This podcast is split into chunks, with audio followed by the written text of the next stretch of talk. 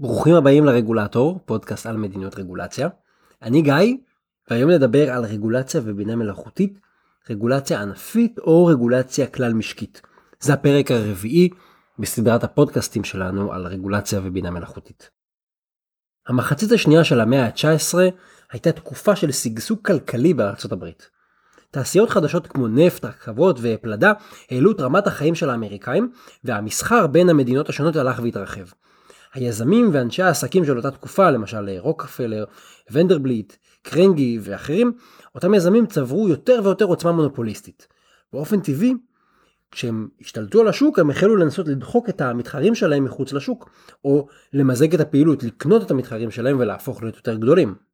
וככה בעצם באה לעולם תופעת הטראסט. זה מין מנגנון משפטי שאפשר לנהל עסקים במשותף, במטרה לתאם כמויות ומחירים על חשבון המתחרים, או על חשבון הצרכנים והספקים. ובעצם ראו יותר ויותר גופים עסקיים שהתחברו ביחד למין טראסטים ענקיים כאלה, קונגלומרטים גדולים, שלא מתחרים אחד בשני ומנסים בעצם להעצים את הכוח שלהם, להעלות מחירים לצרכנים ולנצל את כוח השוק שלהם. באותם ימים, אנחנו מדברים על לפני בערך 140 שנה, באותם ימים כבר היו סמכויות פיקוח ספציפיות על תעשיות, למשל סמכויות של רגולציה על תחבורה או על תשתיות או על מים, אבל כנראה שזה לא כל כך הספיק. ולכן בשנת 1990 עבר בקונגרס האמריקאי חוק שרמן, זה חוק ה anti trust הפדרלי הראשון. anti trust, אמרנו שתופעת ה trust, אז זה anti trust. חוק שרמן הוא הבסיס של דיני התחרות המודרניים. בעברית אומרים דיני תחרות או דיני הגבלים עסקיים. באנגלית אומרים אנטי טראסט, בארצות הברית בעיקר, ובאירופה אומרים קומפטישן לו. אפשר לראות כמה תופעת הטראסטים צרובה אצל האמריקאים, שבעצם כל הרגולציה הזאת היא תגובה והיא מענה לאותה תופעה ששיבשה את המשק האמריקאי בסוף המאה ה-19. מה שמאפיין את הרגולציה הזאת שהתחרותית זה שבכל מדינות העולם זו רגולציה כללית, היא כלל ענפית שהיא נועדה למנוע פגיעה בתחרות בכל ענפי המשק. זו רגולציה רוחבית, היא לא מוגבלת לסקטור מסוים. זה לא כמו שמשרד האנרגיה מפקח על בטיחות במתקני אנרגיה ומשרד התחבורה מפקח על בטיחות בתחבורה. רגולטור של תחרות בדרך כלל מסתכל על כל התחומים, על כל הסקטורים, הוא מסתכל לרוחב גם על הממשלה. למה אני מספר את הסיפור הזה? כי חשוב להבחין בין רגולציה ענפית לרגולציה כללית או רגולציה משקית. רגולציה ענפית מסדירה ענף מסוים, רפואה, תקשורת, פיננסים וכאלה. רגולציה ענפית כוללת דרישות שנכתבו במיוחד לתעשייה מסוימת. בדרך כלל יש רגולטור שמתמחה בתחום ספציפי נגד משרד הבריאות, יש בו רופאים ורוקחים ומומחים בבריאות, ואז הרגולטור גם מפעיל את הרגולציה על אותו ענף שבו הוא מומחה. לעומת זאת, רגולציה כללית מסדירה היבט אחד שרלוונטי לכלל המשק. למשל שמירה על התחרות, אנחנו מכירים את זה גם בתחום של הגנה על הפרטיות, אה, צמצום אפליה, הגנת הצרכן, הגנת סייבר. אה, הדרישות של רגולציה כללית חלות באופן רוחבי על כל הענפים והתעשיות, ולכן יש לנו רגולטור אחד שפועל בצורה רוחבית. ההבחנה הזאת רלוונטית לכל רגולציה, אבל מתברר שהיא חשובה במיוחד למערכות בינה מלאכותית.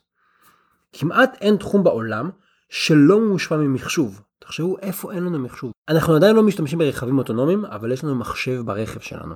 וכמובן שיש לנו מחשבים כמוצרי צריכה, יש מחשבים בבתי חולים, יש מחשבים במפעלים גדולים, ועכשיו קחו את זה רחב יותר לטכנולוגיות מתקדמות ול-AI. למשל, יש לנו מחשוב באבחון רפואי, בניהול שרשרת אספקה, במאבק בפשיעה יש לנו מחשוב. בואו ניקח דוגמה ממש ממש ספציפית. ניקח נגיד טכנולוגיה של זיהוי פנים, אוקיי? טכנולוגיה של זיהוי פנים משמשת כיום ב-16 ענפים שונים. ואחת השאלות הבוערות היא האם אנחנו הולכים להסדיר את הטכנולוגיה הזאת באמצעות רגולציה כלל משקית אחת לרוחב, או באמצעות הרבה רגולציות ספציפיות בכל ענף בנפרד נקבע רגולציה על זיהוי פנים באותו ענף. ומדינות יצטרכו להכריע בסוגיה הזאת בקרוב, כמובן שזיהוי פנים זו טכנולוגיה אחת. יהיה לנו כנראה עשרות מקרים של טכנולוגיות של בינה מלאכותית שנצטרך להחליט האם אנחנו מסדירים אותם לרוחב או לעומק.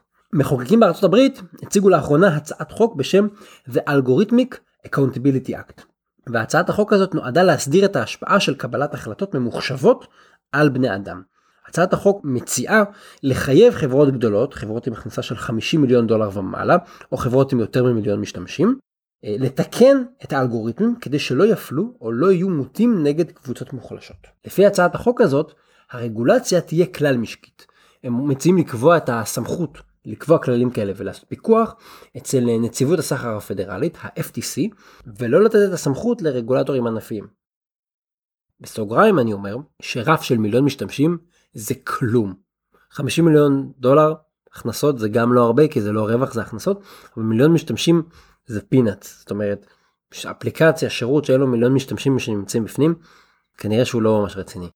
אז יש לנו את הצעת החוק הזאת בארצות הברית אבל אם זה לא מספיק בשנה האחרונה ה-OECD אימץ מדיניות רוחבית לגבי AI ובהסכמה של כל המדינות החברות בו שזה חתיכת הישג להביא כזאת הסכמה.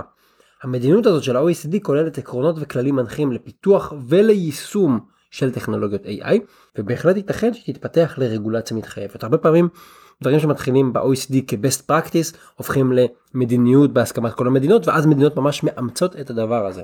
אז כנראה שנראה את זה, אם אתם רוצים יש לינק בבלוג להחלטת המדיניות של ה-OECD. מה היתרונות של רגולציה רוחבית? לרגולציה כללית ורוחבית יש לא מעט יתרונות. היא קודם כל יוצרת סטנדרטים אחידים שיכולים לצמצם פערים, סתירות וגם למנוע חוסר ודאות. מבחינה טכנולוגית, תחשבו על זה רגע בתור יזמים, תקינה אחידה יכולה לאפשר שפה משותפת בין תוכנות בענפים שונים. למשל, אם אני מפתח מערכת בינה מלאכותית שמשלבת בין מידע רפואי ומידע פיננסי, אז אני יכול לעבוד לפי סט אחד של כללים, ואני לא צריך לתמרן בין שתי רגולציות, נגיד רגולציה של רשות ניירות ערך מול הרגולציה של משרד הבריאות. ותחשבו שרשות ניירות ערך או הפיקוח על הבנקים יכולים גם לסתור את הרגולציה של משרד הבריאות. חברות עם מוצרים דיגיטליים, שהמוצרים האלה יכולים להשתרע על יותר מתחום אחד, יברכו על רגולציה כללית ואחידה.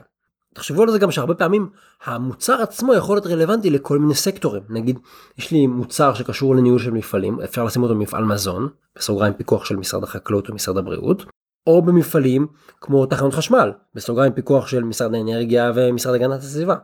עכשיו תראו, אמרתי שיש פה מוצר אחד וכבר נגעתי בארבעה משרדים שונים שיכולים לייצר לפחות ארבע רגולציות שונות. אז רגולציה רוחבית פותרת בעיות פוטנציאליות. עוד יתרון של רגולציה רוחבית על בינה מלאכותית ספציפית זה שרגולטור רוחבי יוכל לרכוש התמקצעות בתחום הבינה המלאכותית. הרי יש לנו היום רגולטורים שמומחים לאנרגיה ולבטיחות ולחינוך ולתחבורה, אין לנו רגולטור שמומחה בבינה מלאכותית. זאת התמקצעות שפשוט לא קיימת אצל רגולטור ענפיים שמומחים נגיד לאנרגיה או לביטוח. רגולטורים כאלה, נגיד רגולטור שמומחה לביטוח, יתקשה אולי להתמודד עם מגמות טכנולוגיות רוחביות כמו AI. אבל רגולטור ייעודי, רוחבי, יוכל להפנות יותר משאבים כדי ללמוד ולהבין נושאים טכנולוגיים מורכבים, ואז הוא יוכל לפתח סטנדרטים איכותיים ויותר מדויקים עבור כלל המשק. ועזבו את זה, בינה מלאכותית ובכלל טכנולוגיות כאלה מתקדמות מאוד מאוד מהר, אנחנו רוצים רגולטור שיהיה עם אצבע על הדופק ויוכל ללמוד מהר ולהגיב מהר. אבל אם הרגולטור שלנו מומחה לבנקאות או מומחה לרוקחות, כנראה שהוא יתקשה להיות מומחה לבינה מלאכותית ולהגיב מהר וללמוד מהר. מצד שני, מה החסרונות של רגולציה רוחבית? צריך גם להגיד את זה. השימוש במערכות בינה מלאכותית הוא תמיד נעשה באיזשהו הקשר מסוים, במסחר, באיסוף מידע, בסייבר. לא בטוח שאפשר, שריאלי, לקבוע כללים אחידים לכל סיטואציה. למשל זיהוי פנים שהזכרתי קודם, הוא מבוצע למגוון צרכים שונים, החל מזיהוי עבריינים ועד לאבחון מחלות. אני יכול להשתמש בטכנולוגיה של זיהוי פנים כדי לאבטח את החשבונות האישיים שלכם מצד אחד, או כדי לרגל אחריכם ולזהות את הרגשות ומצבי הרוח שלכם כדי לשווק ולמכור לכם יותר מוצרים. אלה שימושים שונים בתכלית. האם ניתן לקבוע כללים אחידים לטכנולוגיית זיהוי פנים שיתאימו לכל סיטואציה? אנחנו כנראה לא יודעים לענות על זה היום, אבל ייתכן שדרישות רגולטוריות עבור אלגוריתם יתאימו לענף אחד ולא יתאימו לענף אחר. קחו לדוגמה רגולציה של שקיפות. בחלק מהענפים יכול להיות הגיוני לחייב להסביר על מה מבוססת ההחלטה של האלגוריתם כשהיא פוגעת במישהו. נגיד אלגוריתם שממיין מועמדים לעבודה והוא מסרב לקבל אותי לעבודה. אבל uh, הרציונל הזה של לשקף את ההחלטה של האלגוריתם יכולה להיות uh, מוצדקת במקרה של קבלה לעבודה, היא פחות תהיה מוצדקת במקרה כמו איתור פעולות עבריינית. למשל אנחנו לא רוצים לחשוף מודיעין או לפגוע באפקטיביות של המודל שלנו, כי אם במקרה של אכיפה אנחנו נגיד לעבריין או לחשוד למה החלטנו לדגום דווקא ביום הזה בשעה הזאת למה החלטנו להזמין דווקא אותו לחקירה אז עבריינים יכולו להגיד אין בעיה אז אני לא עושה אה, פשעים ביום רביעי בערב אז אני דואג לשים מסכה יותר עבה זאת אומרת שקיפות יכולה להיות טובה בהיבטים מסוימים ובהיבטים מסוימים עלולה להיות אה, נוגדת את המטרה ואת התכלית של האלגוריתם. אני אתן עוד דוגמה אה, תחשבו על הטיה גזעית. יש משתנים שבהקשר מסוים הם יהוו אינדיקציה לאפליה נגד מיעוטים, אבל בהקשרים אחרים הם יהיו דווקא לגיטימיים. ורגולציה נגד אפליה אלגוריתמית, אלגוריתמים שמפלים, צריכה לקבוע באיזה מידע אסור לאלגוריתם להשתמש ובאיזה מידע מותר לאלגוריתם להשתמש. אבל לא בטוח שאפשר לקבוע את זה באופן רוחבי, כי יש מקרים שבהם אה, שוני אה, גזעי או אתני הוא שיקול לגיטימי. האתגר בפיקוח על טכנולוגיות חדשות הוא לא רק בתוכן של הכללים, אלא איך לקבוע אותם. ובשנים הקרובות אנחנו נגלה האם יהיה לנו מין מגה רגולציה, רגולציית על רוחבית על בינה מלאכותית, מין חוק שרמן של הרובוטים, או הרבה רגולציות ענפיות שיתפתחו בהדרגה ויעבדו פלוס מינוס בנפרד. מאוד יכול להיות שמעבר לתוכן של הרגולציה, המבנה שלה ישפיע יותר מכל דבר אחר על ההתפתחות של בינה מלאכותית.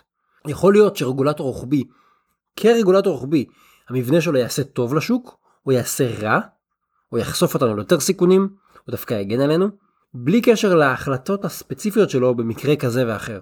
יכול להיות שעצם המבנה ישפיע לאן הטכנולוגיה והתעשייה ילכו. תודה שהאזנתם לעוד פרק של הרגולטור. סדרת הפוסטים בנושא AI, כולל הפרק הזה, נכתבה יחד עם עורך דין עדן לנג. כדאי לעשות מנוי באפליקציות השונות, למשל iTunes, ככה לא תפספסו פרקים. אתם מוזמנים מאוד לעקוב אחריי גם בבלוג וגם בפייסבוק. בבלוג יש לינקים למקורות ולעוד פוסטים. בפייסבוק אנחנו מנהלים דיונים מאוד מעניינים. תודה לרן שיר על עריכת הסאונד, התכנים משקפים את דעותיי בלבד.